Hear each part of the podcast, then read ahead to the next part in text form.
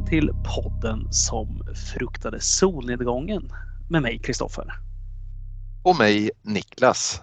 Hej brukar jag säga i början. Det glömde jag idag. Jag ja. kör på direkt här med välkommen. Väldigt formellt. De är välkomna. Lyssnarna är välkomna ja, oavsett om vi säger hej eller inte väldigt välkomna till denna ljuvliga afton. För att det är det faktiskt. Det är, det är en ganska ljuvlig afton. Det har varit förbannat varmt ska jag väl säga men nu är det lite så här svalkande och man kan njuta av sin eh, öl på övervåningen. Är inte den här podden också en eh, bra ursäkt för att få ta den här lilla ölen och prata man, skräckfilm tillsammans? Man är ju inte helt... Eh, man avskyr ju inte ursäkter till att få dricka öl. Nej, verkligen inte jag, jag, kan komma på väldigt många saker som jag tycker om att göra. Och många av dem innefattar just ursäkten att få dricka öl. Ja, verkligen. Aktiviteter som innehåller att dricka öl också är per definition väldigt trevliga aktiviteter. Ja, det, det är väldigt bra. Som man inte behöver göra för mycket. Man behöver inte springa runt så jäkla mycket utan man kan Nej. sitta still kanske med ett papper i handen och en bärs i andra handen. Det, det, är en bra aktivitet. Fantastiskt bra aktivitet. Du, berätta läget. Eh, ja, men det är bra. Jag sa just det till dig här innan vi eh, drog igång med det här avsnittet att har varit nere på den lokala eh, pizzerian här i den lilla förorten som vi bor och där åt jag en pizza och drack en bryggmästare. Så att det här är min andra enhet som jag smuttar på här nu så att det, det är väldigt bra. Ja. Hur är det med dig Kristoffer i dessa tider? Jo men du, det, det, är bra. Man ska inte klaga alls faktiskt. Det, ja, men det börjar ju bli varmt så, här, så man är rätt nöjd. Så. Varit nere i lokala badet här. Man har en eh, bira nu och ja, men det flyter på rätt bra livet tycker jag. Det, mm. är rätt gött. Och det närmar sig ledighet och sommar också. Det är för jäkla skönt. Det är mycket bra men podden går inte in i någon ledighet utan vi ämnar väl köra på va, med vår standardupplägg eh, varannan vecka och så får vi hoppas att eh, tiden kommer då vi kan eh, sända oftare till och med. Men eh, för nu så får vi nöja oss med varannan vecka och hoppas att eh, vår lyssnarskara tycker att det känns okej. Okay.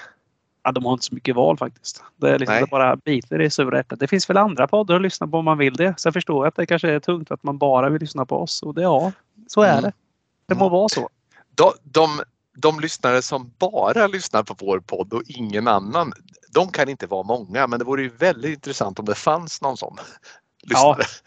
Det, ja, det vore väldigt kul. Det är lite som folk som bara läser Aftonbladet och mm. bildar sin världsuppfattning efter den tidningen kan jag tänka mig. Mm. Absolut. Förutom att vi faktiskt har svar på väldigt mycket saker. Ja men eh, alltså att bara eh, läsa Aftonbladet innebär att du vet ungefär lika mycket som kriget i, eller om kriget i Ukraina som eh, familjen Kardashian. Liksom. Det, blir, det blir en väldigt ja, det blir en väldigt spretig kunskapsbank men det är väl det en kunskapsbank ska vara i och för sig.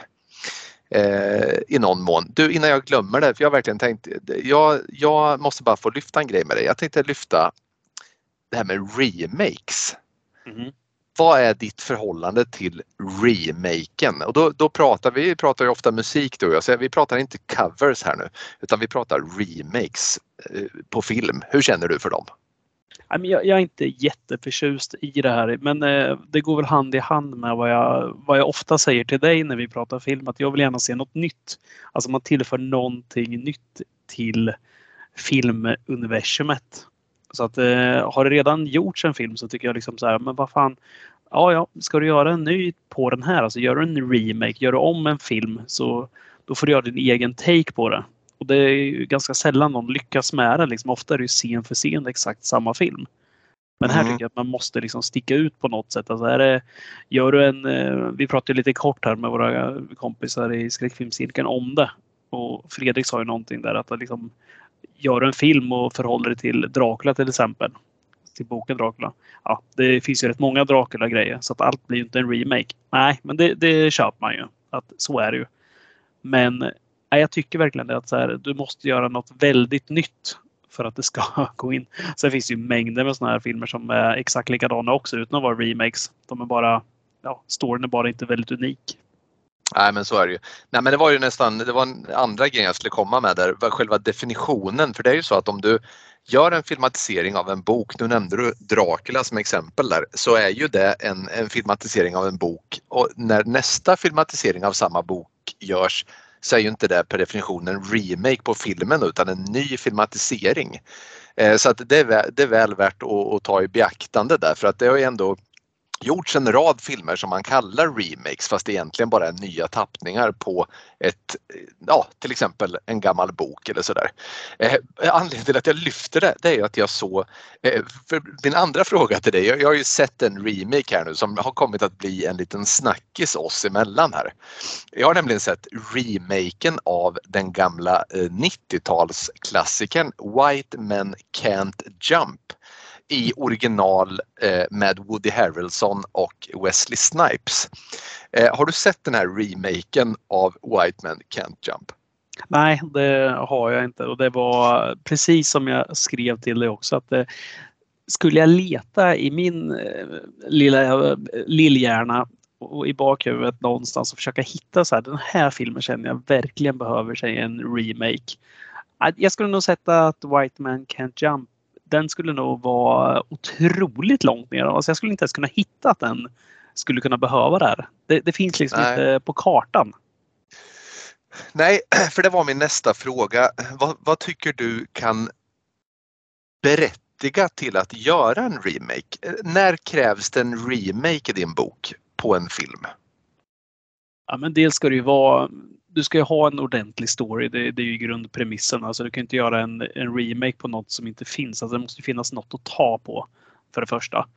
Sen tycker jag det kan behövas, eller behövas ska jag inte säga, men jag förstår ändå att det går att göra på den när den första filmen uppenbarligen är så otroligt usel. Som, vi har ju vissa filmer som liksom jag är den sista att gnälla på, på specialeffekter. Men ibland är det ju så otroligt fult. Du vet, så att det, det är nästan så att det inte går att titta för att det är så pass dåligt det är. Jag tänker på den här Scorpion King som kom. Är det del tre i Mumien va?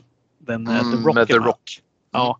Och uh, har du färskt i minnet hur uh, The Rock ser ut i den filmen? Ja men han är långhårig i alla fall har jag för mig va? Ja, kommer du ihåg hur, eh, om inte annat så tycker du ska googla upp bild på det samt som vi pratar om och så kollar du på den specialeffekten och säger till mig att det här, den här kanske faktiskt skulle kunna behöva också en remake. Nej, den är fruktansvärd alltså. Det, det, ser, det ser katastrofalt ut. Så att, mm. det måste, det, och där tycker jag väl säga, ja, ja men hade det kommit en där så hade jag inte gråtit liksom. Så sen kanske jag inte tycker att storyn behöver det. Men jag kan ändå tänka mig att äh, men här, det finns potential att göra någonting bättre. När någonting är så mm. uselt så att det liksom, äh, men här måste det in någonting. Jag skulle kunna säga ja, liksom men... att vissa, ja, men förlåt, att det finns vissa såna lite äldre skräckfilmer där skådespeleriet är så dåligt. Liksom, skulle vi ta till exempel House by the Cemetery av Fulci så hade jag kunnat tänka mig att ja, men det här skulle någon kunna göra en remake på. Sen storyn är inte så mycket att ha där. Men det, är ju, det brukar vi prata om också att Fulci kanske inte är den bästa på att uh, skapa en story eller liksom att det, det här dramaturgiska. Men uh, ja, alltså skådespeleriet är ju under all under all kritik i många av de filmerna som han har gjort. Så det, ja, men ja. så är det ju. Ja, men verkligen. Nej, ja, men kan vi enas kanske? Vi kanske kan enas om att en remake är ju kanske berättigad när storyn i sig är bra men den filmen som redan finns inte gör den rättvisa. Sen är det ju tyvärr så att med nya filmer så kommer ju ja, må hända då att det är lite bättre effekter men, men det är sällan, tycker jag, med dagens skådisar att de kan mäta sig med de här gamla klassiska eh, liksom, du vet karismatiska, verkligen Hollywood-kändisarna som, som var från förr. Så oavsett så kommer du tappa en dimension när du gör en remake. Eh, i, i, vilket fall som helst, White Man Can't Jump höll inte riktigt måttet i min bok. Den, den, den hade inte så mycket. Det är, liksom, det är samma grej fast de har ja, dagens kids eh, stjärnor istället med i den, liksom, ja, men vad heter han den här musikern? Eh, han heter Jack Harlow till exempel. Det han, han gör ju Woody Harrelsons roll och han är, han, han är väl stor idag. Jag har inte hört en jävla låt som han har gjort men tydligen enligt min familj så, så, så är han känd. Eh, skönt att vi spelar exakt samma liga därför jag har aldrig hört namnet och jag misstänker att om jag väl lyssnar på det så skulle jag inte bli äh, jag skulle inte bli stormförtjust heller misstänker jag bara. Nej, nej, det förmodar jag inte, jag har fortfarande inte hört någonting men, men jag har insett att jag inte är, eh, jag har inte ett öra mot marken i samtiden, det kan vi säga i alla fall. Eh, du, nu bara ledde jag mig själv in på eh, det här med vad vi har sett sen, sen sist och då tänker jag att det, det här har inte med en jag ska, jag ska sluta cirkeln här för min egen del för jag har sett en grej till förutom remaken på White Man Can't Jump. Jag har sett en film som heter Dear Samurai, känner du till den? Eh, nej, det gör jag nog inte sådär. Utan jag, jag tänker på någon gammal rulle tror jag men eh, jag vet inte fan om det är samma, om den heter samma ens. Nej, berätta. Vad är det för något? Nej, eh, jag vet inget om den här gamla filmen. Det kanske är så att det är en remake lik förbannat då, fast jag inte vet om det själv. För det här är också något som, som kan liknas vid en slasher. Eh, även om det inte är någon direkt maskerad mördare utan mördaren utgörs istället av en, eh, eh vad ska vi säga, någon sån här queer eh, trans eh, samuraj vargmördare mer eller mindre. Nej men filmen i sig är väl en, en film om, ja men det finns ett, ett, ett tydligt eh, hbtq eh, så att säga inramning på det hela. Eh, ganska mångbottnad säkert om man orkar eh, fundera i de banorna. Det handlar väl lite om att komma ut.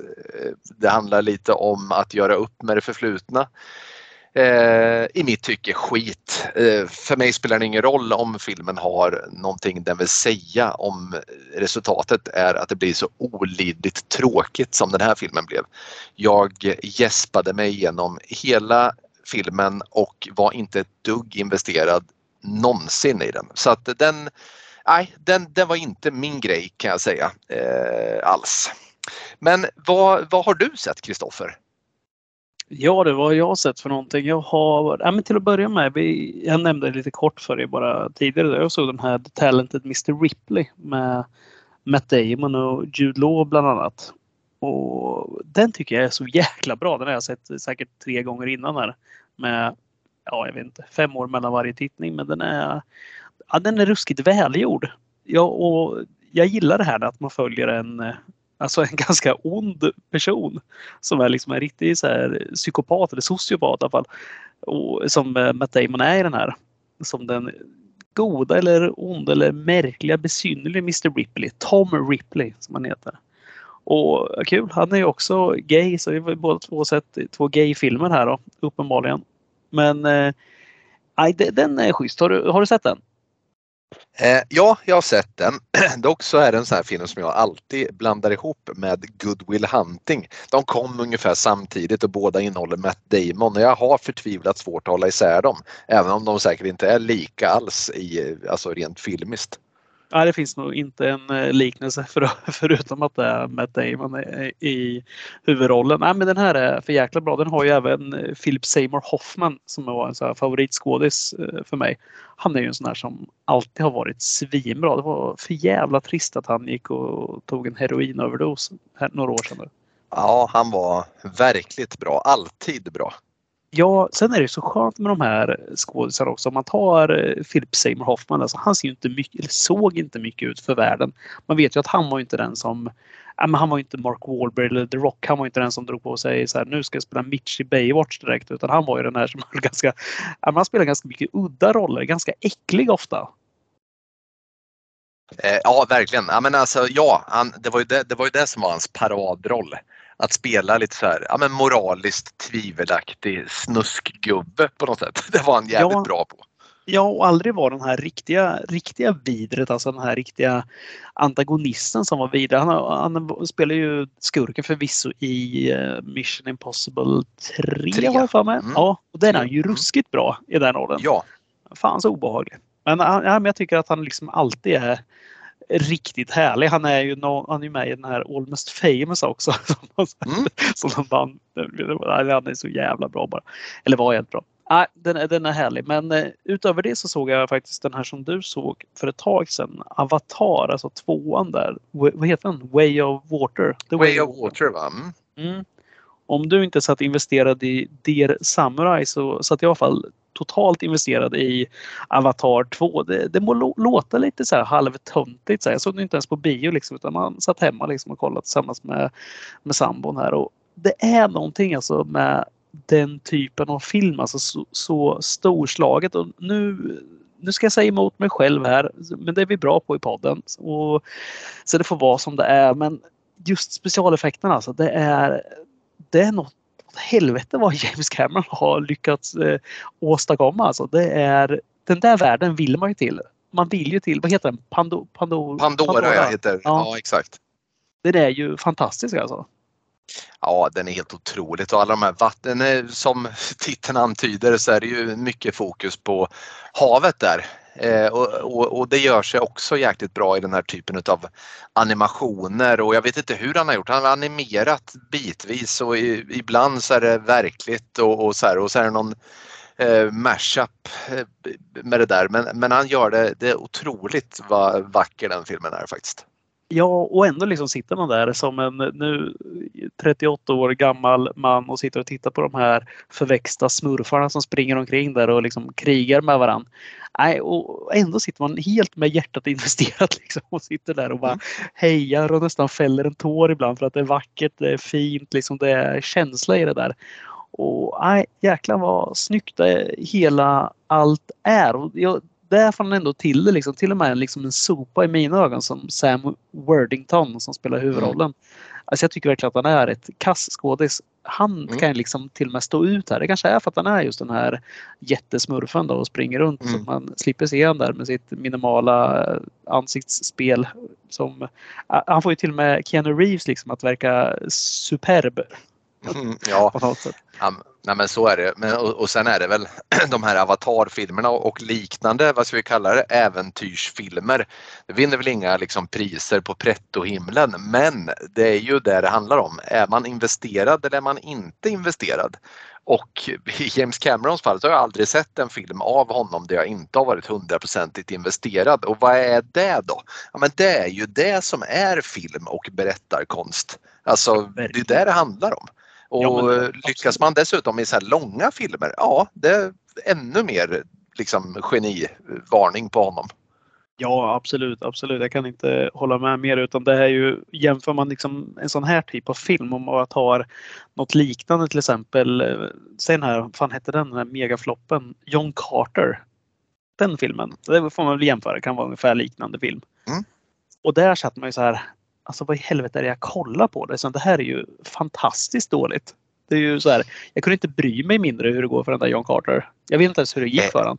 Eh, gick det, gick det för John Carter? Jag, ju, jag gillar ju John Carter från, uh, from Mars uh, faktiskt. Men ja. det har nog kanske mer att göra, alltså den är ju inte, den är inte på samma himmel som Avatar 2 rent rent hantverksmässigt egentligen. När du frågar hur det gick för honom så kan jag inte besvara det dock. Om det gick för honom? ja, som gick. Ja, nej, jag, nej, jag har ingen aning faktiskt.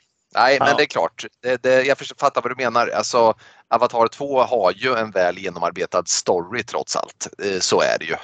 Ja, och sen har den, eh, alltså den här antagonisten, alltså Steven Lang där som, som, eh, som mm. skådis som återvänder. Han är, han är ju fantastiskt benhård också. Han är sån som man gillar som skurk. Han är ju även mm. den här blinda fanskapet i Don't Breed. Och han är, han är ju benhård. Han ser benhård ut. Ja det gör han. Han är också skurken i en gammal Steven Seagal-film från 1997 som heter Fire Down Below. Det är en av de sista rosslande dödsandetagen från Steven Seagal innan han gick ner sig i, en, ett så gammalt filsingträsk. Liksom. Och vilken jävla nedgång det där är alltså när Steven bara slutar liksom att göra någonting vettigt. Bara lägger till eh, på Facebook lägger han till Putin som bästa vän så här, in a relationship. Ja. Sen tar han på sig sina orangea snabba briller, käkar upp en tacobuffé eller 3000 tacobufféer fet. Sticker och tar på sig all cred i så här MMA-ringen också som tränare. Och sen ja. bara ganska allmänt otrevlig och färgar sitt skägg. Ja, det, är så, det är så jävla nedgång. Ja, Nej men verkligen och han, och, och, han har också i första filmen där som han slår igenom med som heter Nico. Eh, där har vi ju ändå en man som med analkande tunt hår. Den fick ju också, det kan vi också snacka om greatest comeback.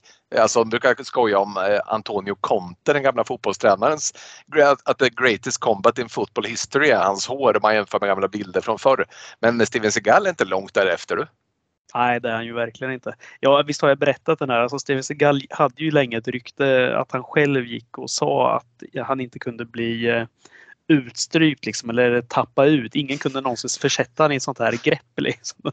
Nej. Vilket undrar hur många som ens hade försökt där. Steven känns ju otroligt feg liksom, att han skulle aldrig ta sig an en ens match. Men det var ju, undrar om det var till Nico eller till Hard to Kill eller någon av de här andra där som eh, hans stuntman då utmanar honom på det här och efter mycket tjat så det här är ju, det här är ju antagligen en skröna för det är ju stuntmannens egna berättelser där vad jag, vad jag vet. Så, så tog ju Segal an sig det här i alla fall. Och för han var ju inte ett dugg rädd för den här stuntmannen. Och mycket riktigt efter bara några sekunder där så satt han ju i någon sån här choke där från stuntmannen. Som eh, ströp ut Segal liksom helt och hållet. Och inte nog med att Segal då svimmade av utan han sket ner sig också totalt. och det här ska ju alltså ha skett inför hela crewet då på den här filmen. Så att eh, Ja, jag, jag, jag skiter i, det, i det här fallet. Jag skiter i om det inte är sant. Det, det är för jävla härligt ändå. Att bara tänka sig att det kan ha gått till så här. Ja, alltså det är ju ett, ett jävla, det är ett enormt fall för den där typen av personprofil också. Alltså, det är ja. inte nog med, alltså, det, är ju, det, är ju en, det är ju förnedrande att, att liksom bli utstrypt för honom på det där sättet. Men ja, att sen tömma sig, ja, det, det är klart det är spiken i kistan. Conclavi con Dio. ja, det var ju tur att det var innan han blev så där fet alltså, för då fan hade han kramat på ordentligt antagligen. det var varit för jävligt. Nej. men du, det sista jag ville säga med bara Avatar 2 där innan jag ska lämna den. Det var bara att eh, just när James Cameron jobbar med vatten. Han är ju, finns det någon som är tryggare i ett element än just James Cameron och vatten? Nej, det finns ju ingen som är mer där. intresserad heller av djup, djup och så vidare. Nej, men han är ju, alltså det är så fantastiskt. Sen märker man ju verkligen när man kollar på den här filmen också. Så här, man ser ju sådana referenser till eh, till exempel avgrunden och till Titanic också. Slutet på den här har ju väldigt eh, mycket likheter med Titanic slutet. Mm. Och eh, nej, det fy fan vad, vad ballt det är. Alltså det, det är otroligt vad, vad mycket jobb det måste vara att få till. Alltså vatten känns som en ganska jobbig sak att tämja på film. Ja, verkligen och det är väl därför liksom, det är ju inga havsverk direkt utan han tar ju tid på sig innan han släpper de här filmerna. Ja, det var väl något snack där när han pratade med sin studio där. Jag kommer inte ihåg vilka det är som eh, producerar den här men han, eh, han hade väl sagt vad det skulle gå på, liksom vilken, eh, vad notan skulle landa på. Den drog väl iväg till några miljarder. Alltså det, det är ju sådana hiskliga summor pengar. Mm. Så hade de väl sagt det, bara så här, men du får hålla ner lite. Då hade han väl liksom gett dem något så här bara du, jag har gjort den här Terminator, Titanic, True Lies. De har bara visat upp allting mm. så här. Ni Alltså ni är skyldiga mig att göra det här. Annars går jag någon mm. annanstans. Jag tycker ändå det är rätt skönt liksom, att kunna ha det där så man vet att det jag gör, alltså det är inget skit. Ni kommer bli belönade. Satsa på det här liksom. Er avkastning lär ju vara, ja, den har vi redan så här, något säkert inspelningsrekord kan jag tänka mig. Jo men alltså det roliga var ju att, att, att man pratade om, ja, men just det här med pandemin över, Eh, ska folk gå på bio eller har folk vant sig vid sina hemmasystem som de fixade du vet under pandemin? Eh, hur, vad hände med bion? Kommer det betala sig? Jag läser nu till här då vad gäller Avatar The Way of Water. Den hade en budget på 350 miljoner dollar ungefär då.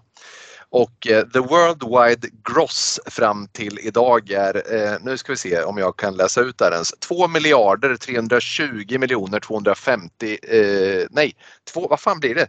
2 miljoner 300, nej 2 miljarder 320 miljoner 250 000 dollar alltså. Det är kan, kan du ta det en gång till? Hur mycket pengar var det? Eh, 4 miljoner 6 miljarder 6 415 000. Nej, men lite drygt 2,5 miljarder dollar då spelar den in. Ja, men det, det är nog en schysst eh, avkastning. Ja, det får man väl säga. Det var, det var värt att vänta de där åren. Vad sa du? Det var värt för studion att vänta de där åren som det faktiskt tog att spela in det. Jag antar det. Verkligen. Det känns som det. Ja, nej, det där är filmerna för som eh, man har hunnit se nu. Det är säkert något annat också som har stått på här i bakgrunden. Modig var på tvn när jag gick eh, upp precis här. Den hade inte jag sett mm. innan, men jag är inte jättemycket för Disney-filmerna heller. Det, det, ja, ja, ja, ja, Vad heter hon? Det är hon med bågskytten va, med rött hår? Ja, precis. Den, den är säkert jättebra som Disney-film. Jag ska inte ta något ifrån den. Det är bara, jag vet inte, jag tröttnade när de blev så här datanimerade. Alltså på det Mm. sättet. Det, jag brukar prata om, och det här låter jättetöntigt, men jag brukar prata om själ i arbeten. Jag tycker liksom när de gick över till det här dataanimerade tramset som kom efter Lejonkungen och jag vet att den också är lite dataanimerad. Jag tycker liksom att det är tråkigt att titta på. Det finns liksom, jag, jag vill ha det här när man suttit och målat med en penna liksom, mer eller mindre. Jag, Mm. jag tycker det, liksom, det är schysst. Och eh, då- är jag motsägelsefull eftersom jag sitter och liksom kollar på Avatar också liksom, när, det, när det är dataanimerat där. Men just när det ska vara rent tecknat då blir jag, nej det gillar jag inte. Det fina med den här podden är att vi behöver inte ha täckning för ett skit och vi får vara hur motsägelsefulla vi vill. Det är Ja, men det bra. är väldigt trevligt. Det, Mm. det tycker jag är härligt. Du, på tal om att vara motsägelsefull. Vi ska ju prata om ehm, vi ska prata Conjuring Verse idag. Ja. Och eh, du har ju berättat väldigt mycket om att du inte tycker om att se om filmer. Mm. Du ser ju inte om filmer alls ofta enligt dig själv. Nej. Men den här filmen som är, ja men, ja, men som kanske letar sig upp på en eh, topp 5 placering hos dig. Hur många gånger har du sett om den här? Ja, men det här är tredje gången som jag ser om den till dagens avsnitt då. Ja, det är ganska starkt ändå. Så filmen är från 2018. Ja, äh, ja alltså. Jag, jag säger ju inte att jag inte råkar hamna i situationer då, där det krävs att jag ser om filmer. Antingen inför poddar eller för andra människors skull. Men nu har det fallit sig så att eh, den här nunnan då, så kan vi säga direkt, The Nun. Eh, Demonnunnan som den här filmen handlar om, ja, men den har jag sett tre gånger. Och döm om min förvåning eftersom den här filmen inte håller för tre tittare. Nej, så kan det vara. Det är, får jag lägga in en liten parentes där som är lite kul också. Jag, jag, jag ser inte heller jätteofta om eh, filmer. I alla fall inte sådana filmer som jag inte tycker är bra. Liksom. Det blir inte att man ser om dem så ofta. Det var, jag vet inte när den här kom. Du vet Anaconda. Det, den är ändå en ganska stabil film tycker jag. Det är en 3 av 5 Mm. liksom, om inte mer. Men sen kom det ju en tvåa på den. Sen kom det 3 och 4 och 5 också där. Men Anaconda nummer två där. Hunt for the Blood Orchid tror jag den heter. Den, Mm. eh, Är det den med David Hasselhoff eller? Nej, det är trean eller fyran. Det här Mm. är med någon annan trött snubbe. Men i vilket fall så när den här gick upp på bio så frågade en av mina vänner om vi skulle se den här. Jag bara, ja, för fan, det ska vi se. Sen råkade en annan tjej som man var lite intresserad av fråga om vi skulle se den här också, den här filmen. Och snabb som jag var så tackade jag givetvis ja till den. och gick och såg den här med henne. Och tänkte att min, min vän kommer ju glömma bort det här väldigt snabbt. Men Mm. eh, det slutade ju med att jag fick se Anaconda 2 då, två gånger. Det vill säga också samma dag. Vilket var sjukt.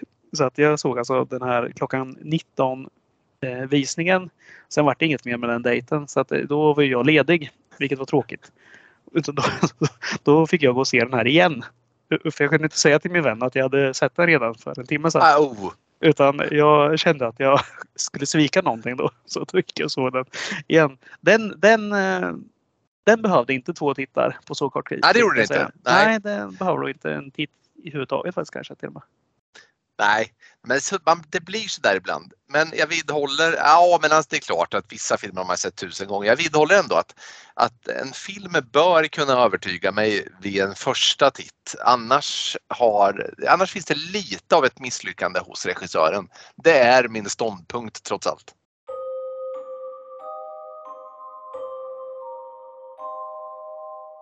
Men du, ska vi kasta oss in i den här direkt eller? Eh, det gör vi verkligen. Eh, och jag har faktiskt förberett här så att jag kan eh, berätta lite om plotten för dig. Ja, sätt lite ord där på vad vi har att göra med. En präst med ett hemsökt förflutet och en novis på väg till sina sista löften skickas av Vatikanen för att utreda en ung nunnas död på ett kloster i Rumänien och konfrontera en ondsint kraft i form av en demonisk nunna. Du Niklas, det var ju vackert det där. Alltså jag, får, jag får sån otrolig feeling. Det är som att någon bara...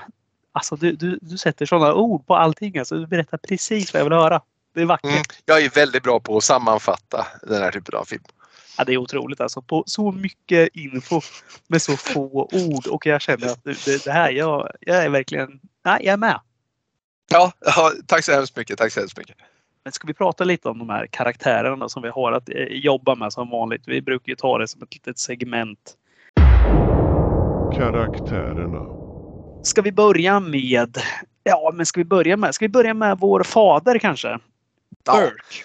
vi kan väl börja med Fader Burke som sagt var som är vad ska vi, ska vi kalla honom för Vatikanens lilla detektiv vad gäller Satanic Mysteries? Ja. Eh, det, det är honom de skickar när Vatikanen får nys om att eh, någonstans i världen pågår okristlig aktivitet. Men det är väl inte just exorcismer eller liknande som han gör utan han, han känns ju mer som en sån här, ja men lite sån här, vad ska vi säga, eh, katolicismens Sherlock Holmes de skickar. Ja, han har ju uppenbarligen lite sådana eh, kvaliteter. Lite som Sherlock Mm. Holmes snedstreck eh, Indiana Jones skulle jag nästan säga. Vi kommer till det senare också där. Men Mm. ja, han, eh, inte bara för att eh, bedriva exorcismer utan han, han, han ville väl liksom kolla om Alltså om en, vad ska man säga, om liksom, miljön fortfarande är helig. Liksom. Finns, det, finns det något som är stör där på något sätt? Ja men precis. Fader Burke spelas av en herre som heter Dimian Bishir med reservation för uttalet. Och ja, men jag tycker att han är ganska bra. Jag gillar ju eh, hjältar som är lite, lite mer lugna så att säga i sinnet. Det här är en man som ändå inte hetsar upp sig allt för mycket. Han har lite så här värdig approach, verkar ganska vänlig och som alla andra huvudroller i den här typen av film så har han trots allt ett ganska mörkt förflutet. Det visar sig att han har, ja men han har väl på något sätt eh, haft någon historik men nu minns inte jag om han hade något släktskap med den här pojken som fick någon demon i sig då. Eh, och som han på något sätt gjorde något misslyckat försök att driva ut den här demonen och, och det kostade pojken livet. Eh, detta tynger fader Burke genom filmen eh, helt enkelt då. Nej, men jag, jag gillar han också. Det är sån här eh, ganska ska man säga, fårad eh, man som dyker upp. Liksom. Han är ju ganska, men ganska grovhuggen skulle jag säga ändå för att vara präst. Absolut. Och det, det gillar man ju. Det är alltså Ja. att det, man vill inte ha någon så här gammal benrangel som dyker upp där. Utan man vill ju ha lite muskler för att faktiskt kasta in Vatikanen också. Ja, ja, ja, men jag, jag kan tänka mig att eh, Vatikanens gym står ju tämligen orört. Men är det någon som är där tidig morgon så är det Fader Burke och jag kan tänka mig att han börjar på motionscykeln. Sen lägger han sig ganska snabbt i bänkpressen, tror du inte det? Och kör några repetitioner. Ja, det tror jag. Fader Karras eh, står där bakom också. Fader jabbar. Merrin, däremot, han står kanske och röker någonstans i ett hörn där. Och sen Ja, på sin höjd står han på motionscykeln i fem minuter. Fuskar kanske. med stretchingen också tror jag. Ja, det har han verkligen. Det, det var... Nej men, nej, men Nej, alltså, vad? ja, han är Vet vad? ganska Fader likeable. Har fått någon så rehab ifrån, från Vatikanens fysioterapeut eh, som han inte sköter utan han, kommer, han börjar för snabbt hela tiden trappa upp sin, sin träning och så går han sönder och tvingas röka istället. Är det därför han ser så jävla gammal ut? Där? Jag tror det blir han så jävla Han ser så jävla gammal Så ut. jävla uttråkad av den här rehabträningen. Det är mycket pilatesboll för Fader Merrin. Han hatar skiten. Fan, man vill inte åka på pilatesboll rehab när man är 40 bast som von Sydow i Exorcisten. Det vill man inte göra. Nej, det vill man inte göra. Nej. Vilken bra parentes det blev. Det är, det är så här det är när man lyssnar på podden så fruktansvärt solnedgången. Det, det, det blir lite avstick. Så här. Ja, ja det måste det bli. I en sån här film måste det få lov att bli såna. Ja, verkligen. Men du, till sin hjälp då, Fader Burke, då får han ju med sig även Sister Irene också. Mm. Och det är ganska schysst. Det är ju spelat av eh, Taisa Famiga som är då Mm. syster till Vera Famiga. Alltså Just från Conjuring-filmerna. Det är ju rätt ballt. Det hade jag faktiskt ingen Ja, koll på innan jag såg filmen att eh, det var så. Men eh, man ser ju otroliga likheter mellan dem när man väl tittar på den. Väldigt Ja, lika. men det gör man. Det gör man verkligen. Vad tycker Eh, du om Sister eh, Irene då? Irene då? Eh, Vad, vad, tycker du, ja, vad, vad tycker vi om henne? Ja, men det är ju en, en blivande nunna. Hon har inte lagt, man ska ju lägga såna här löften för att gå in i kloster. Det har hon inte gjort än. Eh, så därför så är hon inte jag vet inte om det är så att man som nunna måste skyla håret. Eh, hon gör det inte utan är civilklädd. Eh, men men eh, vad ska vi säga om henne då? Hon känns ju, alltså vi, ja, ganska snabbt sådär får man veta att hon är ju inte någon så här bokstavstroende eh, eh, nunna utan hon tänker sig världen som en, eh, som en eh, produkt av evolution och eh, eh många faktorer som, som högst går att förklara vetenskapligt. Lite till den här äldre nunnans eh, förtret då. Då vill de på något sätt presentera att alltså, det där står inte den falangen av kyrkan bakom utan men då, då är hon den här lilla unga upp liksom uppstudsiga, eh, rationella personen. Och, och, för oss som tittare så är ju det jättevälkommet men för hennes gelikar på klostret så är det ett problem. Ja, verkligen. Men hon blir ju, alltså bara med den biten, alltså med den premissen så blir hon ganska likable eh, för mm. oss tittare skulle jag säga. Ja, för att, eh, absolut. Det hade varit väldigt jobbigt att ha en helt eh, helt supertroende här alltså som inte kan ja, men så skilja på vetenskap. Det är en kreationist. Ja, Nej, det går liksom inte. Det, det hade varit Nej. jobbigt. Mm. Nej, men det, det, är väl hon där och hon är ju liksom fager som får den här helt orörd och så vidare. Den här mm. damen.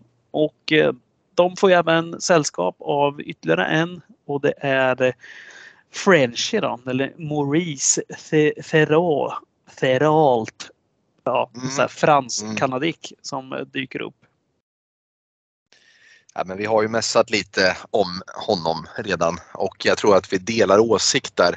Ja, men han är ju den här spjuvern, den här lite, du vet, busiga, eh, skärmiga, eh, liksom, naive eh, grabben som, som eh, du vet den här typen av film alltid har och som den här filmen hade mått ganska bra av att slippa tror jag. Han blir ju någon form av så här, eh, comic relief i den här filmen som, som liksom de har, de har en premiss som funkar och så kommer han och så blir det lite, lite sämre bara. Kan du hålla med mig om det? Mm. Ja men till fullo. Det, Alltså han, han, hans roll kanske behövs. Liksom. Han är ju en, den som ändå leder dem till det här klostret. Han är ju vägvisaren, liksom, den som har varit och lämnat proviant till klostret och hittat den här nunnan som har hängt sig som du så fint berättade om. Så att han är ju den enda som vet vägen dit verkar det som. Ja, nu låter det som att det här är liksom långt tillbaks i tiden men jag tror att det är 50-tal där va? Ja, någonting sånt ja. Men de är ju också i Rumänien och 50-talets Rumänien är nog inte vad 50-talets New York är riktigt utan här, här pratar vi ju häst och vagn som de också pratar om i filmen. Det är väldigt liksom ja, efter i, i tiden. Mm. Ja men visst är det så. Eh, ja, men de här tre slår följe helt enkelt då för att eh, åka till det här klostret i Rumänien. Jag vet inte, sen har vi ju lite, lite fler karaktärer där men jag vet inte, nöjer vi oss så långt rent av kanske? Ja men jag tycker det. det de andra fyller ingen större funktion till att börja med. Nej, nej precis. Eh, vet du vad, då tycker jag att det leder oss osökt in på eh, miljön. Platserna och miljön. Ska jag börja där? För att det här tycker jag verkligen är filmens absoluta höjdpunkt. Det, du brukar prata om att du gillar liksom hela plotten med att Vatikanen ska skicka ut en riddare liksom att undersöka saker. Där är du, det vet jag. Där liksom, nu, då, då sitter du investerad och liksom ja, det jag. kan slita blicken. Och jag är likadan. Jag tycker också det här är härligt.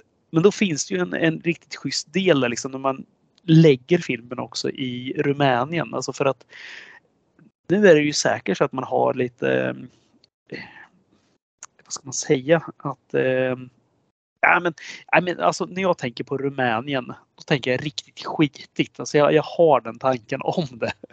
Det är bara så. Och att det ligger efter att det, när man ser det här klostret då också som vi kommer till, alltså det är ju, det är ju ganska slitet. Det ligger mitt inne i en mörk jävla skog. Det är mycket trä på det här, liksom mörkt trä som knirrar och knastrar och knarrar. Och det, är, det är väldigt olycksbådande hela det här. Och det är dimma liksom över golvet som, som så ofta i såna här filmer. Men eh, jag gillar verkligen den där biten. Ja, men det är jag ju helt... Eh, det, alltså jag, det var också vad jag sa inför den här filmen då jag bad dig att inte ha för höga förväntningar. Men jag sa också att det är ju det, är ju, det här är ju det fantastiska med filmen och faktum är att den också är inspelad i Transylvanien som jag har förstått det i Rumänien och Transylvanien med sin historia såklart adderar ju någonting bara i sig. Bara att liksom höra Transylvanien så blir man ju lite så här, huh, kusligt. Och, och det där klostret som sagt var, det känns ju inte som en eh, någon särskilt god plats. Det gör det inte. Kommer man dit som Vatikanens Sherlock Holmes så behöver man ju, man behöver ju knappt gå innanför portarna för att fatta att ah, vi behöver nog skicka några, skicka hela, ringa hem till påven och be honom skicka hela armén liksom, för det är nog vad som krävs. Lite den känslan får man. Ja, men det gör det. Det är såna här enorma portar också som ska dras upp med så här stora kedjor liksom för allting. Det, och sen är det ju enorma hallar där inne. Det finns ju liksom inte, det är inga små rum vi pratar om utan det är, vi, vi pratar säkert 10 meter takhöjd. I de här, Mm. där de är. Absolut. Så att det, det, och det är ju rätt snyggt alltså. Det är ju riktigt balla miljöer där.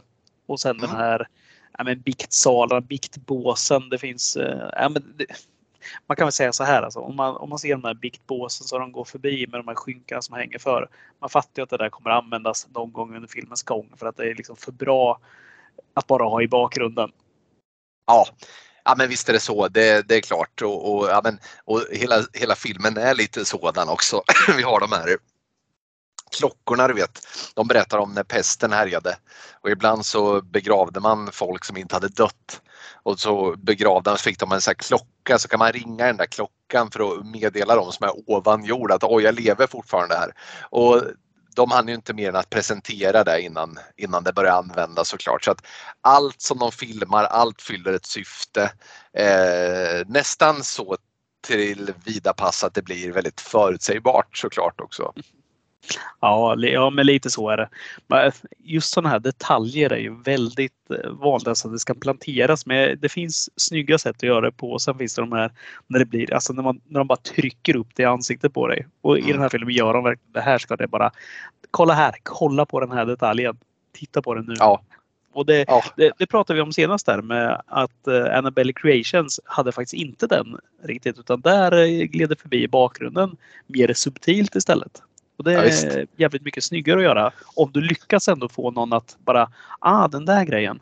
Så här, så här, Ja, att man kommer Ja, ihåg det. Men ja. här ska det verkligen bara in your face. Och sen, ja och, och, och så snabbt ska det användas också. Jag Ja. tänker genast på den här filmen om du har sett den här The Autopsy of Jane Doe. Har du sett den?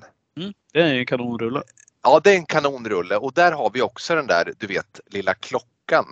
Eh, du vet som de fäster vid foten på, på de här kropparna och när de liksom låter, ja, då vet man att då är någonting i görningen. Men det får ju krypa på liksom. Är det här så här, och så är det en klocka och så ringer de i klockan, då vet de att, och sen bara bang, bang, så du vet så är alla under jord och så, du hinner liksom inte ens smälta det här med klockan innan det är över liksom. De blåser på något så inåt helvete verkligen. Ja, och det, vi kan väl redan lyfta det här. Det, för jag tycker verkligen den här filmen har det problemet. Den vet inte riktigt vilket tempo den ska lägga sig på. För att den börjar ju ganska långsamt ändå. Eh, eller långsamt och långsamt, men hyggligt långsamt får vi väl ändå säga. Och sen, liksom så, här, så fort de har kommit till det här klostret, jävlar då ska det köras på i 180 på en gång. Det är liksom så här, den hade mått bra av, som vi båda pratade med varandra om, den hade nog mått bra av att ha lite längre, lugnare partier. Ja, men förstå om det hade varit en film som får eh, tuffa på i sakta gemak och det börjar pratas på det här klostret om någon så här nunna som ingen riktigt känner igen och så här, men det får liksom, du vet, den här skuggfiguren som är filmens verkliga antagonist som hade, bara hade kunnat få så här, du vet, stryka runt i bakgrunden och så här. Det hade kunnat bli riktigt jävla otäckt. Men istället så blir det en, eh, en skräckaction av det här liksom. Mm. Ja, men så var det. Hotet. Ska vi, nu nämnde du den där lite kort. Då. Ska vi prata hotet också? Det är väl lika Ja, bra vi- när vi ändå vi tar det. är här. För att eh, det vi, vi kommer till den här, alltså nunnan har ju tagit livet av sig. Det är så vi, filmen börjar. Hon hittas ju hängd utanför klostret av den här Frenchie så- och sen får han ju sällskap av de här två då, Fader Burke och eh, Sister Irene som åker in för att eh, undersöka allting. Och när de knackar på där så har vi ju till att börja med den här Ja, men, ska vi säga så här? Det, det, filmen börjar ju faktiskt inte riktigt där utan vi har ju två nunnor som är nere i, ja men vi säger väl att de är nere på lägsta nivån i klostret. Alltså, så, i, I skrymslet. De har ju en liten Ja, i katakomberna under liksom. Ja men exakt. Och det där är ju en jävla snygg grej där. För de har ju en skylt på den här dörren som vi ser att man inte ska gå in i. Det, man fattar ju direkt att här, hit men inte längre. Vad står det på den där skylten? För det är jävligt Eh, Det snyggt. står, ja, jag önskar att jag hade det latinska för det står ju på latin men det står Gud slutar här. Och Det är ju jävligt olycksbådande. Sånt där gillar jag. Liksom. Det är ju coolt. Mm, det gör man. Det gillas verkligen. Alltså just att det är på latin också där. Att det inte har fuskats liksom och lagt till någonting. Där. Amerikaner brukar ju vara experter på det annars. Mm. Men, nej, men det är jävligt bra. Och där ser vi ju direkt då när filmen börjar här att de öppnar den där dörren. De ska hämta någon eh, gammal kristen relik där inifrån. Och så av, Såklart. ja, ja, och en av de här nunnorna sugs ju in där av något väsen och en annan flyr och sen hänger hon sig av rädsla får vi väl utgå från eller offrar sig själv eller liknande. Mm. Mm. Så att det, vi har ju liksom inte fått se så mycket där av något monster ännu. Där. Vi har bara fått se den här nunnan som ja, svävar omkring lite suddigt än så länge. Vi har ju Mm. sett nunnan från, eh, från Conjuring 2 då. Ja, Innan, och vi fick också se ett foto. Ja, vi fick se ett foto i Annabelle Creation. fick vi se ett, eh, den här nunnan som är med i den filmen hade ju något foto från det här klostret där den här ja, demonnunnan syns på bild också. Som var effektivt där tyckte jag. Ja, verkligen. Nej, men så där, där har vi. Men det, innan vi kommer till den här, liksom innan eh, vi presenteras för alltså, denna nunna så tycker jag ändå det är värt att lyfta den här abbedissan som eh, vi möts av inne i eh, det här klostret. Det är väl Fader Ja. Burke och både Irene, Sister Irene då, som går, ja, men de går ju förbi de här hallarna. Och det är ju väldigt mörkt för det är ju bara tända ljus egentligen, alltså levande stearinljus på väggarna som lyser upp någonting. Och de går ju och tisslar och tasslar där inne och pratar. Och sen när de går förbi liksom nästan en tron i mitten av rummet så hör vi bara den här rösten, en ganska stark röst från den här, ja vad som verkar vara abbedissan. Eh, hon är otäck. Hon är ju eh, ruskigt effektiv alltså. Ja, mest för att vi ser ju henne liksom inte riktigt utan och hon har ju en sån här röst som nästan får att liksom isa lite i ådrorna tycker jag. Rökt eh, förmodligen skådisen där. Jag tänker mig att hon Ja, men det hörs ju att det en åldrad kvinna som spelar henne eller som gör rösten. Jag vet inte vem det är men det, det, ett, par, ett par paket cigg om dagen under rätt många år tror jag hon har innanför västen också. skulle kunna vara Gianna Nannini som sitter där och eh, ja, drar av den här. Men eh, det är Ja, varför inte. inte? Ja, hon hade ju också Ja. den där riktiga jävla ciggrösten. Mm. Mm. Ja, men det är väldigt effektivt och som sagt var, det här är ju inte demonnunnan men det är fan i mig inte långt ifrån. Eh, man får inte se henne som sagt var, hon har det där hucklat, eh, hucklan på huvudet men hon vet saker om dem. Eh, utan som hon inte kan veta och så här och man, man får redan där känslan av att det, är ju någonting lurt där alltså. Ja, hon sitter lite väl ensamt i det där mörka rummet kan man Ja, säga också. det, det var precis. Och med ett skynke för ansiktet också. Väldigt obehaglig. Mycket. Ja, nej men eh, ja, alltså när presenteras vi sen då? För alltså, det händer ju rätt mycket på det här. Vi, Sister Irene går ju omkring på det här jävla eh, placet och de, det är väldigt tomt där. De pratar ju om att de här nunnorna har avlagt luften som gör att de inte får prata under vad är det, så här, 12 timmar från morgon till kväll. Ungefär. Precis, någon sån här tysthets... eh, någon, ja, ja, ja, precis.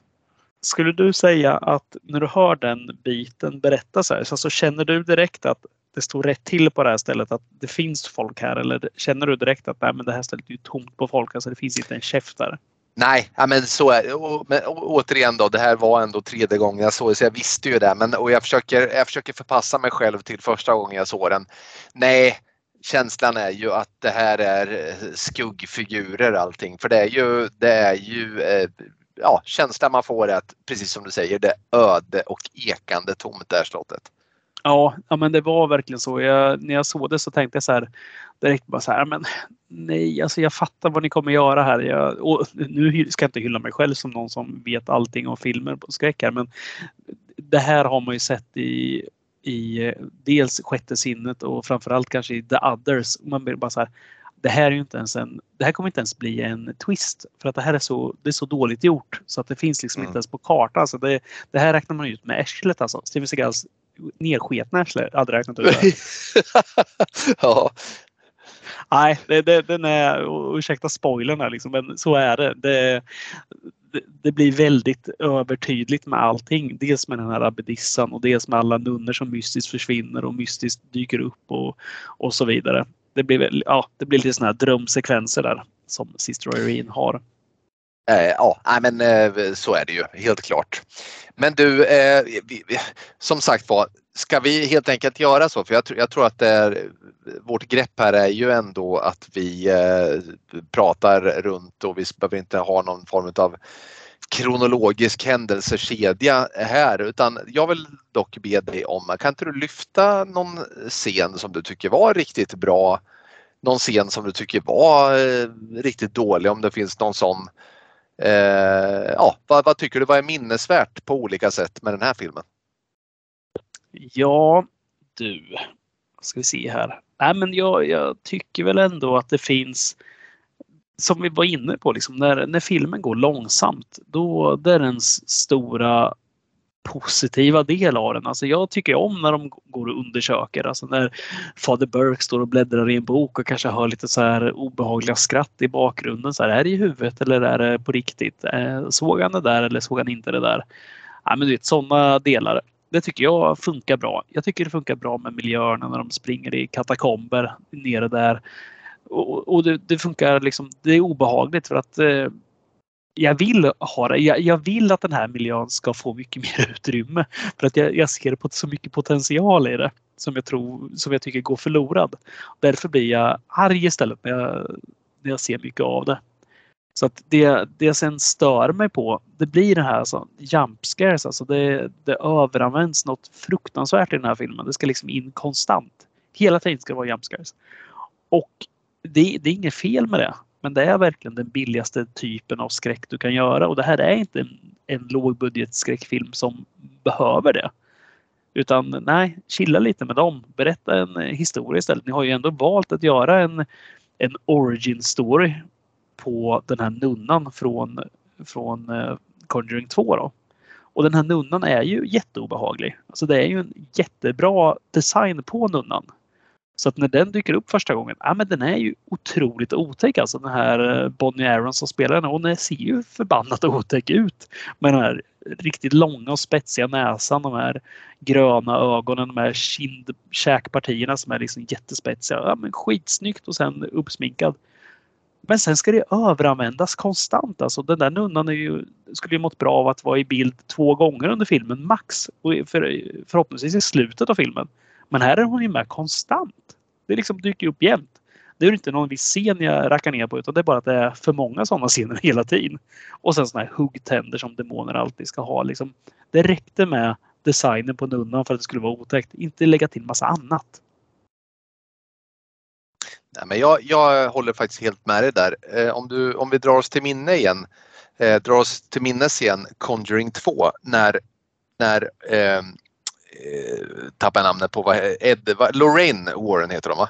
Eh, när hon är hemma i sitt hus och dottern frågar här, pekar neråt hallen och säger Vem är det där? Och så tittar hon så står nunnan bara och tittar i andra änden av rummet långt ner i korridoren och bara tittar på dem innan hon bara går iväg sakta. Det är ju sånt nunnan ska hålla på med. Inte dyka upp och lägga händerna på axlarna och säga ba i örat på folk. Så här. Det, det är inte ett dugg otäckt. Däremot så tycker jag att första scenen är rätt effektiv. Nu var du inne på det där, Gud slutar här. Men när den där nunnan springer därifrån innan hon hänger sig och man ser att hon kommer närmare och närmare och ljusen slocknar där hon kommer fram. Liksom. Mm. Eh, sen när hon har hoppat och man ser hennes reflektion, eh, liksom, du ser inte riktigt nunnan, du ser bara konturerna av henne.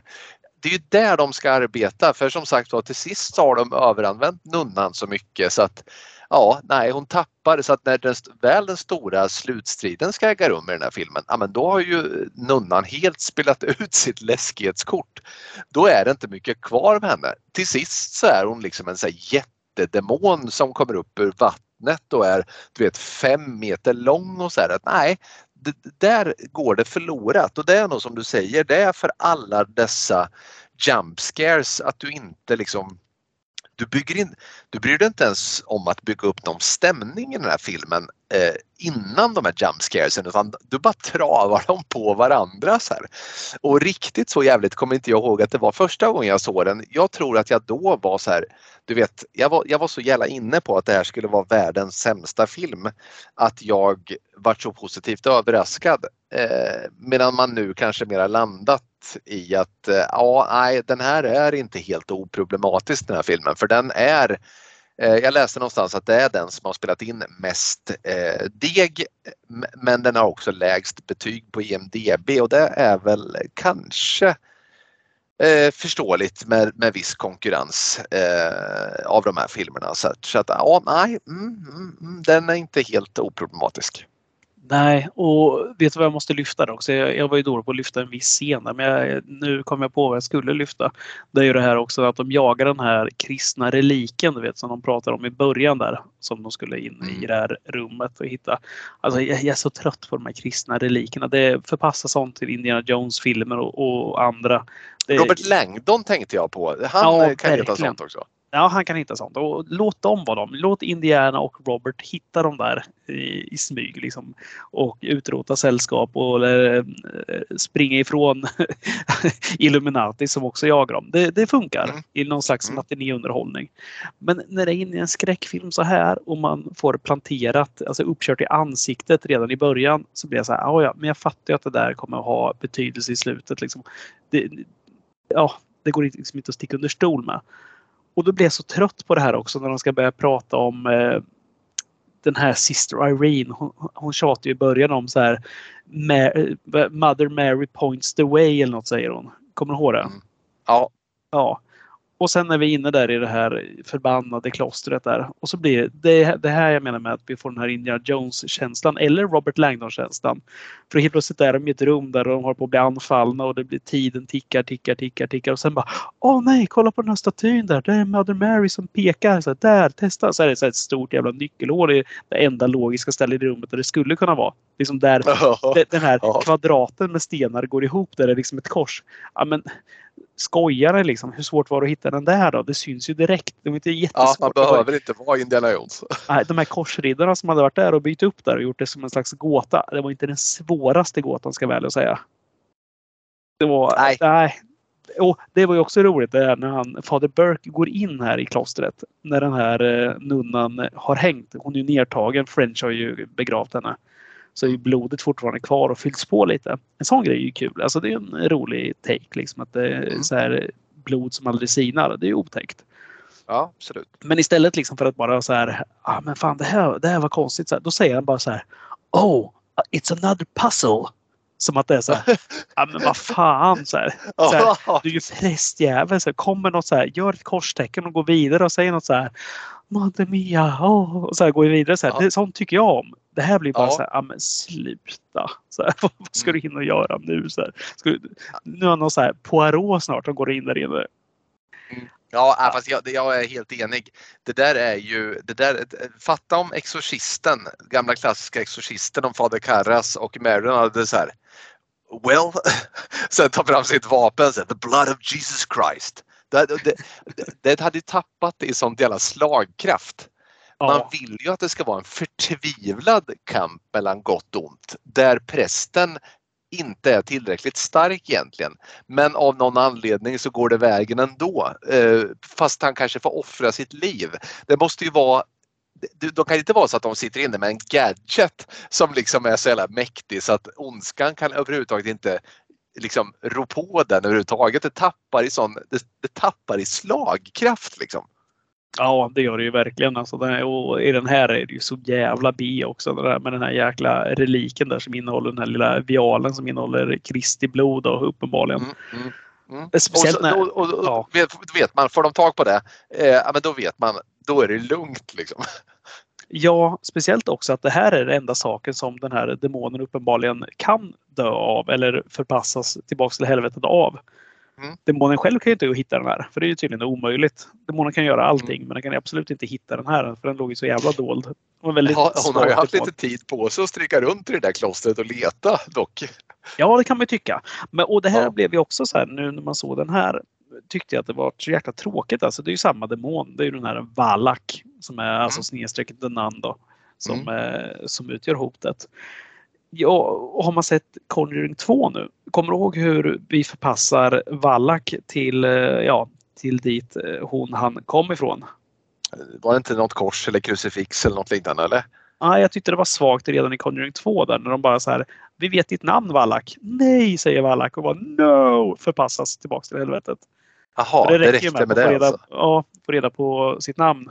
Mm. Det är jobbigt. Det är trist Mm. att, att ha blivit döpt till Wallach. Borde ju tagit...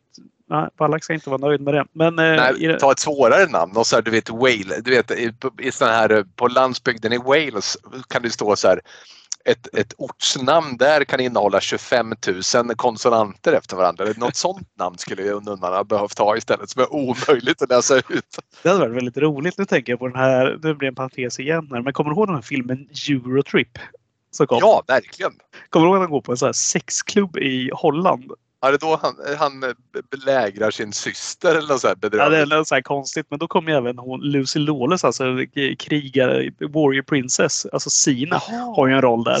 Som någon slags dominatrix där och eh, tar fram någon sån här super eh, dildo där som han ligger framåt stup och kommer få smaka på. Men så har de gett ett så här, skrivit ner ett så här safe word på, på ett papper och eftersom de är i Holland så, här, du vet, så, här, så är det ju så här, helt omöjligt ord så att de börjar ju så här, försöka skrika det där och det är så här flygel Det är så helt omöjligt så, så hör man bara något skrik där. Så väldigt, väldigt roligt. Det varit bra Ballack hade det istället.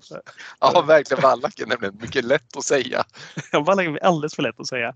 Otroligt, otroligt svagt. Nej, men det, det, I det här fallet, liksom den, den här Blood of Christ där som hon biter sönder också och liksom har blodet i sin mun. Det, man får ju Mm. hoppas liksom att eh, Sister Irene där kanske åker på någon slags hepatit eller aids eller vad fan det kan vara och haft det där i mun. Det, det, det förtjänar hon nästan. Skändat denna heliga symbol på detta sätt. Ja, ja precis. Det här ligger inte bra Ja. till att säga i en podd, att man får aids av Kristi blod. Det, Nej, det var du som sa Det, det. var det du som var, sa. Jag vill det var Wallach, mig att säga det här. Jag, jag korstecken är hemma nu. Ja, precis. Ja, men Väldigt ohygieniskt framför allt. Alltså just att Ja. du gör det här. Skulle du göra det? Alltså om, om Wallach kom Nej. efter dig och du hade den där Blood of Christ framför dig. Hur långt, hur, hur långt in är det att du tar och ja, men jag, jag dricker nog fan upp där och sen spottar ut det på honom? Jo, men, men alltså, det känns ju också som att om man väl har the blood of Christ framför sig och så kommer det en, en demon av miljoner. Då hade man nästan sparat loskan till att själva djävulen själv kommer. Alltså, det känns ju som att du, oh, vad fan ska du göra? Nu har du offrat allt blod, vad ska du göra då när, när nästa demon kommer? Så. Nej, jag Ja. vet inte. Jag hade hanterat det på något annat sätt tror jag. Ja, jag, jag tror väl också det. Det känns som det. Mm. Jaha, Ja, nej, nej, no- nog, om, eh, nog om det där. Det där var scenerna bara. Men vi, ska vi lyfta, ska vi göra så här? Ska, kan inte du säga lite kort, eh, tredje gången gilt där du såg denna film. Ja. Ge, ge en utläggning här, berätta varför, varför den är värd tre tittar. Mm, ja, nej precis. För det första så vill jag bara säga att den är inte värd eh, tre tittar faktiskt. Utan jag måste nu för den här filmens skull ändå försöka dra mig till minnes hur det kändes när jag såg den första gången. Eh, för, för ja, men, vi har varit inne, vi har pratat om det lite. Jag säger det igen nu och jag tar mig friheten att göra det varje gång jag ser en sån här film. Ja, men jag gillar verkligen eh, när Vatikanen skickar ut präster. Jag gillar den klassiska kampen mot gott och ont.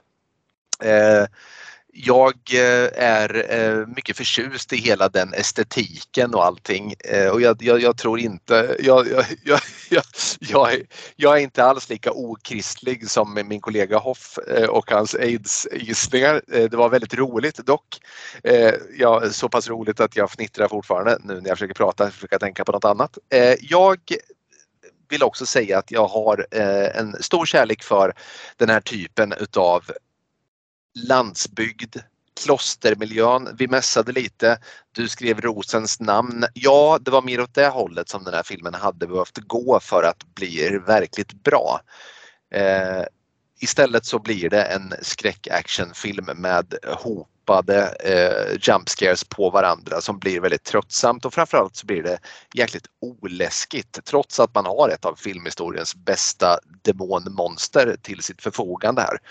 Eh, det till trots så tycker jag att första gången jag såg den så, så, så om, om man ser den här liksom, och försöker bortse från, från att eh,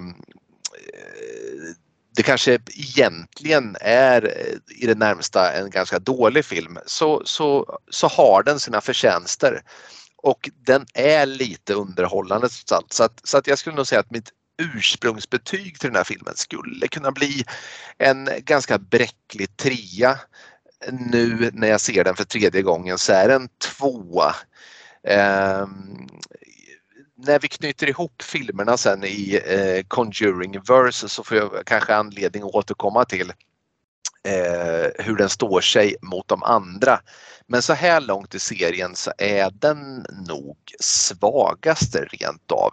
Sitt eh, mycket trevliga monster och sin schyssta miljö och sitt schyssta koncept till trots. Vad säger du själv Hoff? Ja, men jag tycker du sätter eh, ord ungefär vad jag, på ungefär vad jag tycker också.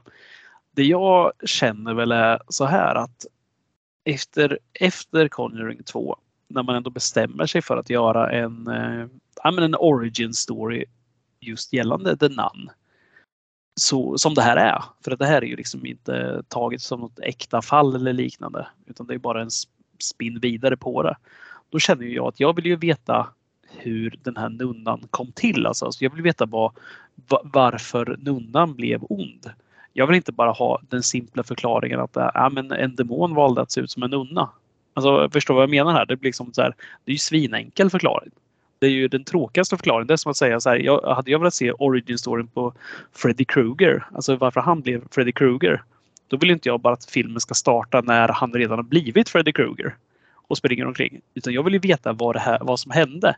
I den här filmen får vi jättekort förklarat att det var någon gammal ja, men var det någon gammal markis eller liknande eller eh, det var någon så här gammal aristokrat där, någon fransman som uh, körde någon så här satanistritualer i det här ja, klostret. Svart magi av något slag. Ja, och öppnade Gates of Hell. Och det är ju alltid ballt med Gates of Hell. Det tycker alla är coolt. Det är alla som gillar skräckfilm tror jag gillar Gates of Hell. Alltså det, är, det är en sån där grej som alltid funkar.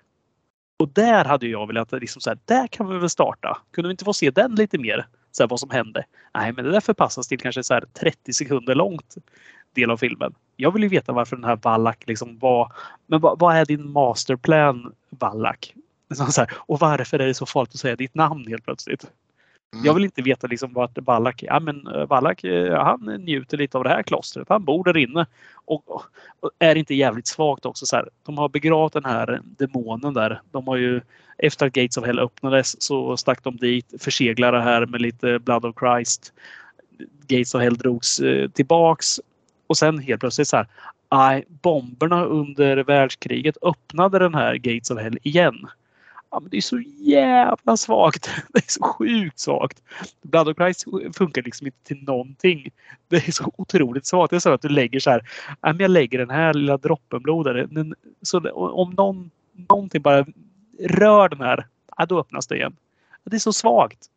Jag, jag hade bara velat ha någonting mer om Wallach, inte bara vad Wallach gör. Utan jag vill veta någonting mer. Det är ju en origin story för fan. Den, tar ju, den här börjar för, för sent. Jag vill veta varför den här blev den här jävla nunnan. Varför valde han den? Vi får ju en liten förklaring där liksom att det är det här att demonen måste ta en mänsklig gestalt för att ta sig vidare. För att vi får en koppling till Conjuring 2 att Lorraine även ser den här. Ja, men hon berättar ju någon gång, eller kanske Conjuring 1 till och med. Hon berättar om den värsta syn hon har haft eller möte. Kommer du ihåg det? Mm. Ja, då får vi se att den här Frenchy då, han är ju med där så, och visar upp sig liksom att det är en patient ja, hon har haft. Men det är också alldeles för kort för att det ska bli liksom någon, någon greppbart. Men håller du inte med mig? Hade inte du också velat se liksom varför mer? Nej, men jag tycker det är en strålande idé att förpassa filmens början till eh, medeltiden eller när, alltså eller strax i korstågen eller när i tiden nu det här var. Eh, få följa lite den här demoniska aktiviteten och den svarta magi, de här eh, formlerna i, i underjord och så vidare. Det har varit perfekt start och upptakt för den här filmen för att sen låta det gå vidare till det här klostret. Ja, men det, absolut, varför inte? Det slog mig nu, vi, det brukar vi, det är lite konceptet också, vi brukar vilja ge, tillskriva filmen mer än vad de faktiskt har. Tror du det är faktumet att när Irene tar the blood of Christ i munnen, är det någon slags pastisch på nattvarden? Tror du det? Ja, säkert. Det, jag... var, det så, var det det man tänkte? Men, men jag tror, att det, jag tror att det är kristligt att spotta ut nattvardsvinet. Det tror jag inte är okej. Nej, det, det, tror jag inte heller. Nej, men det är säkert någon liten, uh, liten hyllning till det. Det kan jag mm. tänka mig. Vad, vad vet jag? Jag orkade inte ens bemöda mig att analysera så djupt i den här filmen. Det, det, är också väldigt roligt att man kan sitta och analysera som vi gjorde senast i Sleepaway Camp. kan man sitta och liksom överanalysera allting deluxe. Där, där det är ännu enklare och rakare film. Men i den här, ja. jag orkar inte ens bemöda mig för att det, liksom, nej, men det blir för dumt. Allting. Ja. Ja, men det, men det, det jag stör mig på som sagt är just den här, alltså varför den har valt just den andra. Alltså det är ju en perfekt designad, ett designat monster. Men jag vill ju veta alltså varför det har valt en nunna. Det här kunde ju lika gärna varit en vaktmästare, eller hur? Så att ja, ja, hade, den hade kunnat liksom heta The Janitor istället den här filmen. Den, mm. det var så, och så hade det kunnat, nästa Alltså allt man hade följt då var någon som hade blivit, varför den ser ut som en janitor. Alltså det, det fyller ingen funktion ändå. Det spelar ingen roll. Det var bara Men är det så enkelt att det är, att den snor miljö. Alltså är det så att om, om, om det hade varit en, en så här svart magiker, en nekromantiker som gör den här spällen i medeltiden på brandstationen. Hade vi fått då någon form av Greger-demon så här som glider runt? Och, och, ja, och, eller, eller vad, liksom, vad vill de ha sagt? Att det, den tar bara liksom en som verkar i den typen av miljö där man lägger den. Nej, det är obegripligt faktiskt. Ja, det är väldigt eh, obegripligt och det är väldigt obegripligt varför den här demonen härjar kvar på det här klostret också. Varför den liksom mm. inte försöker ta sig därifrån eller vad den ens vill. För det tycker jag också blir en sån här tråkig grej. Jag fattar ju att demoner är, så här, är här för att jävlas med oss bara och ska liksom locka och lura oss och bara ja, men vara allmänt jävliga. Mm. Men jag, fan ge mig en masterplan. Alltså jag hatar när filmer bara är så här. Det, liksom, den hade ju bara härjat där fortfarande om ingen var där. Stäng igen det där klostret då. Lås dörrarna liksom. Bara, gräv ner eller någonting. Cementera över det så är det av med skiten. Precis, för den verkar ju inte vilja liksom, ta över någon annan kropp för att på det här sättet ta sig ut från klostret. Eller, det verkar inte alls vara det. Eller? Slutar ju filmen med. Har du glömt bort ja. hur slutar den? Ja, det har jag gjort. Ja, då ser vi faktiskt Frenchy sitta på den här lilla vagnen och ja, kliar sig lite i nacken. Där. Det är ju ja, ner med en kors där han har ju fått just det, den där, precis. Vet du vad, jag tror nog att jag eh, den här titeln stängde av den. Nu när du säger det så minns jag det mycket väl. Nej men precis, men det kunde han ju ha gjort tidigare, Wallach. Ja, det känns ju som det. Och då försöker de förklara lite att nunnorna går aldrig ut utan de använder ju den här lilla eh, Slussen istället. Liksom, för att eh, där, nunnorna borde ju vara överjävligt feta innan på det här klostret. Och tänk på det, alltså, de, får ju, de får ju samma motion som i Big Brother-huset. De går ut på den där lilla gården, så går i sina fyrkanter där. går av sig några kilo. Kan de göra. Å andra sidan kanske inte, det är väl inga buff, liksom thai-bufféer direkt som det bjuds på på klostret. Ja, det vet man inte. Luckorna går där fram och tillbaka, fram och tillbaka. Ja. har inga radband där, så här, aktivitetsarmband har de. Så piper ja, just... de går tillbaka och ber istället. Ja. ja. Okristligast i podden, Kristoffer Nilsson. Ja, det är tråkigt. Det är tråkigt, tråkigt att man ska få dras med det nu. Men, men. Ja, men det, det, det, vet du vad? Eh, det är ett epitet som du bär med den äran tycker jag. Ja, det kan man göra. Jag, jag är lika fördomsfull vad det än gäller för religioner, det får man väl säga. Ö överlag inte särskilt troende.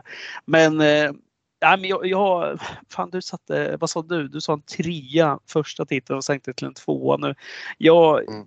jag tycker att det här är horribelt dåligt, men eh, jag är lite inne på det du säger också, liksom, att det finns saker som höjer upp det. Det, det är inte nere och, och liksom, det är inte nere på på Elm Street 6 nivå där. Alltså det, är inte, det är inte så horribelt så att man vill stryka den där. Alltså det är inte Freddy Krueger som dyker upp som en häxa eh, på väg till Blåkulla. Så illa är det inte. det är inte. Men samtidigt så är den mycket nyare också, mer påkostad. Så att det, finns liksom så här, det finns saker som talar ner också. Nej men det, det, finns för mycket bra grejer i den som gör att jag inte kan sätta liksom en etta utan det blir en tvåa.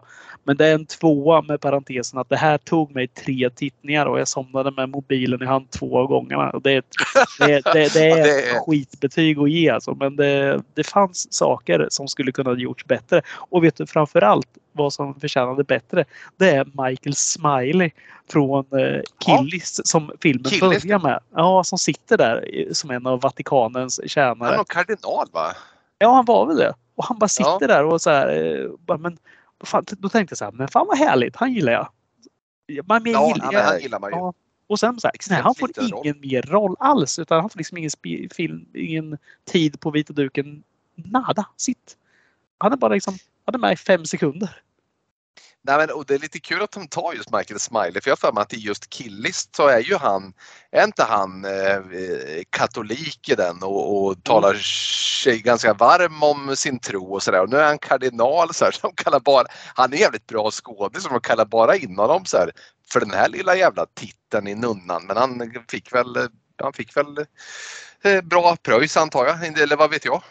Ja, det måste väl varit så. Men vet du vad som är nästan mer horribelt än eh, att sitta och prata om den här? Det är ju att eh, det uppenbarligen kommer en Denan 2. Alltså det finns ju ingenting som... Eh, alltså det här, ska man säga? Alltså jag fattar att den har spelat in jättemycket pengar. Eller nej, jag fattar inte att den har gjort det. Men jag kan ju läsa mig till att den har gjort det. Så mm. kan vi säga. Det är helt sjukt att den här filmen ska ha spelat in mest. Det är ju en skymf mot de andra filmerna. Ja, jag det är ju jag blir. Jag blir upprörd det är bara nunnan liksom. Jo, jag vet. Men eh, fan, människan är dum av naturen. Det, det bara är så när det gäller sådana här filmer. Ja, men så är det ju. Ja. Nej, men det finns liksom inte. Det finns inte tillräckligt mycket för att göra en Denan 2 skulle jag säga. Det ska. Det blir otroligt kul att se när den kommer och se vad den levererar. Men jag har. De måste göra någonting mer för det här, det här håller inte. Det, nej, det nej men eh, precis. De behöver hitta ett annat grepp för hur de ska kunna eh, föra det här vidare och varför inte titta lite åt både Rosens namn och ja, inte vet jag, valfri demonfilm som tickar på i sakta gemak för det är det man vill att de ska göra. Ja, så är det. Jag misstänker att vi ska följa Sister Irene igen här. Det känns mm. väl givet egentligen. Troligtvis ja. Mm. ja. Ska vi lämna nunnan? För vi lämnar gången? nunnan för den här gången. Ja. Vad står näst på schemat då? Då är det, är det Curse of La Lorna som eh, kommer innan Det är det. 3. Ja, den har inte jag eh, sett. Har du sett den? Nej, jag har faktiskt inte sett den. Det ska bli underbart att äntligen få se en film som jag inte har sett. Mm. Eh, och men däremellan så ska vi se ytterligare en film som jag inte har sett och då är vi ur eh, Conjuring-verse lite grann och då är det du som har valt någon sån här eh, handledskarvarrulle igen misstänker jag. ja, nej, men då ska vi se den här. Rätta mig om jag kommer ihåg fel här, men eh, vad hette den här danska? Hette den Speak No Evil? Har jag rätt då? Kommer jag ihåg rätt? Nu ska vi se här. Speak No Evil heter den. Jajamän. Mm. Mm. Och det, jag har faktiskt inte hört mycket alls om den här utan jag, jag har läst lite grann bara. Liksom. Jag kan knappt handlingen men jag gillar att den liknas vid Creep 1 och Creep 2 som vi båda tyckte om som filmer. Jag mm. hoppas på att bli överraskad här. Så det tycker jag ska bli kul. Ja, ja men det ser vi fram emot. Det blir eh, kul och som avbrott också lite från de här ja, men synnerligen popcornfilmerna som ju Conjuring-verse utgör. Ja, men du, jag, just det, jag skrev ju till dig precis innan här vi körde igång att jag hade en liten idé här för hur vi ska mm. välja filmer.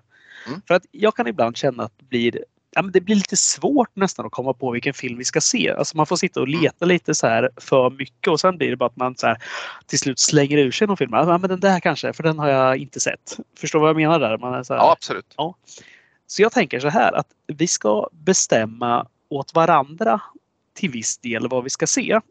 Så jag tänker så mm. här. Du får, om det här är en skitidé så, så får du stoppa mig. Men jag tänker att jag säger så här i ett avsnitt att jag vill se en 70-tals monsterfilm.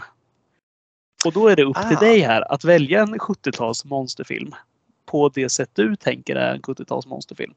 Det här önskemålen kan ju alltså vara man får ju, vara, man får ju hålla sig ganska Alltså spektrat måste vara ganska stort ändå, tänker jag. Så att du liksom, det finns lite att välja på. Jag kan inte säga så här, jag vill se en uh, skräckfilm med Jag vill se en film om en ubbe som heter Ballack. Som jag ja, men exakt. Nej, men det får liksom ja. inte bli, det får, det får inte bli för snävt där utan det ska bli ändå så att du har lite att välja på, tänker jag. Sen kan du ju bygga på det där så att det ändå går det. Så en, en slasherfilm från 80-talet, ja men då har du ju liksom 150 000 filmer att välja på. Det är inget eh, avancerat. Då kan du lägga till någonting mer om du vill. Men det är en ganska kul idé tror jag ändå. Jag tycker att det är en strålande bra idé faktiskt. Gud ja, vad roligt. roligt. Det ja, kör vi kul. på. Det, det, låter ju som en... Och då hinner man ju också... Det blir ju... Det passar ju mig för att jag tycker ju... Som person tycker jag att det här med att välja är bland det mest överskattade som finns här i, här i livet alltså generellt. Så därför så tycker jag att det, det är ofta så jag känner när jag ska se en film. Så här, ja, men jag är sugen på det här. Och sen önskar jag ju bara att någon annan skulle välja vad jag ska se. Gud vad bra det blir! Ja, vad roligt. Då ska vi testa det efter eh, Speak No Evil när, när vi kör nästa sån här. Om, om inte du har blivit lovad någon film däremellan. Jag kommer inte ihåg, men eh, annars kör vi det däremellan.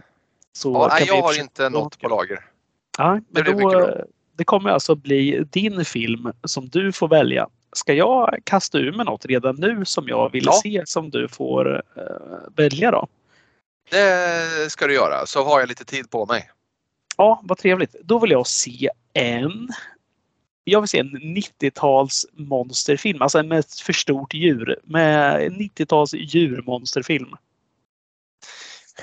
Gud, jag hopp, hör du vad det, det, låter här? Jag gör alltså ja. upp eld med mina händer. Du, du tar på dig själv. Du är som indianen som sitter och gör upp eld just nu i knät på dig själv. Det är väldigt ja, obehagligt att tänka mig. Och rullar och rullar och rullar. Glöder Nej, men det blir skitbra. Jag har fort, redan nu faktiskt en tanke. Ja, vad, vad kul. Det, och då är du med på att det är 90-tal och djurmonsterfilm. Det, ja, det är bra. Absolut. Ja, ja. men det, det, jag tror att det här kan bli en kul grej. För det här kan man ju få, man, man, jag går in med tanke på vilka som finns redan här. Och det roliga är att jag tror att vi förhoppningsvis här kanske tänker lite olika ibland. Och ja. ibland kanske man får skarva lite tänker jag också så att eh, man kanske får ta fram skohornet och sen göra det. För att eh, man ska inte lämna allt för mycket ledtrådar om vad man vill se och så vidare. Så att jag, jag tror Nej. att det här kan bli kul. Det blir väldigt bra. Kul! Jaha, men du nästa vecka då, eller nästnästa vecka blir det, då kör vi The Curse of La Lorna. Eh, precis. Eh, nästa vecka Speak no, Speak no, Evil och sen är det Curse of La Lorna och sen så är det en eh, djurskräckis från 90-talet. Jajamän. Och eh, nu är det ju sommar också, eller på väg att bli sommar. Nätterna mm. blir ljusare. Dagarna mm. ljusare. Mörkret, det, det finns liksom inte. Hur, eh, vart tar du vägen? Jag väntar på dig Hoff i nattens mörker. Där försvinner vi båda.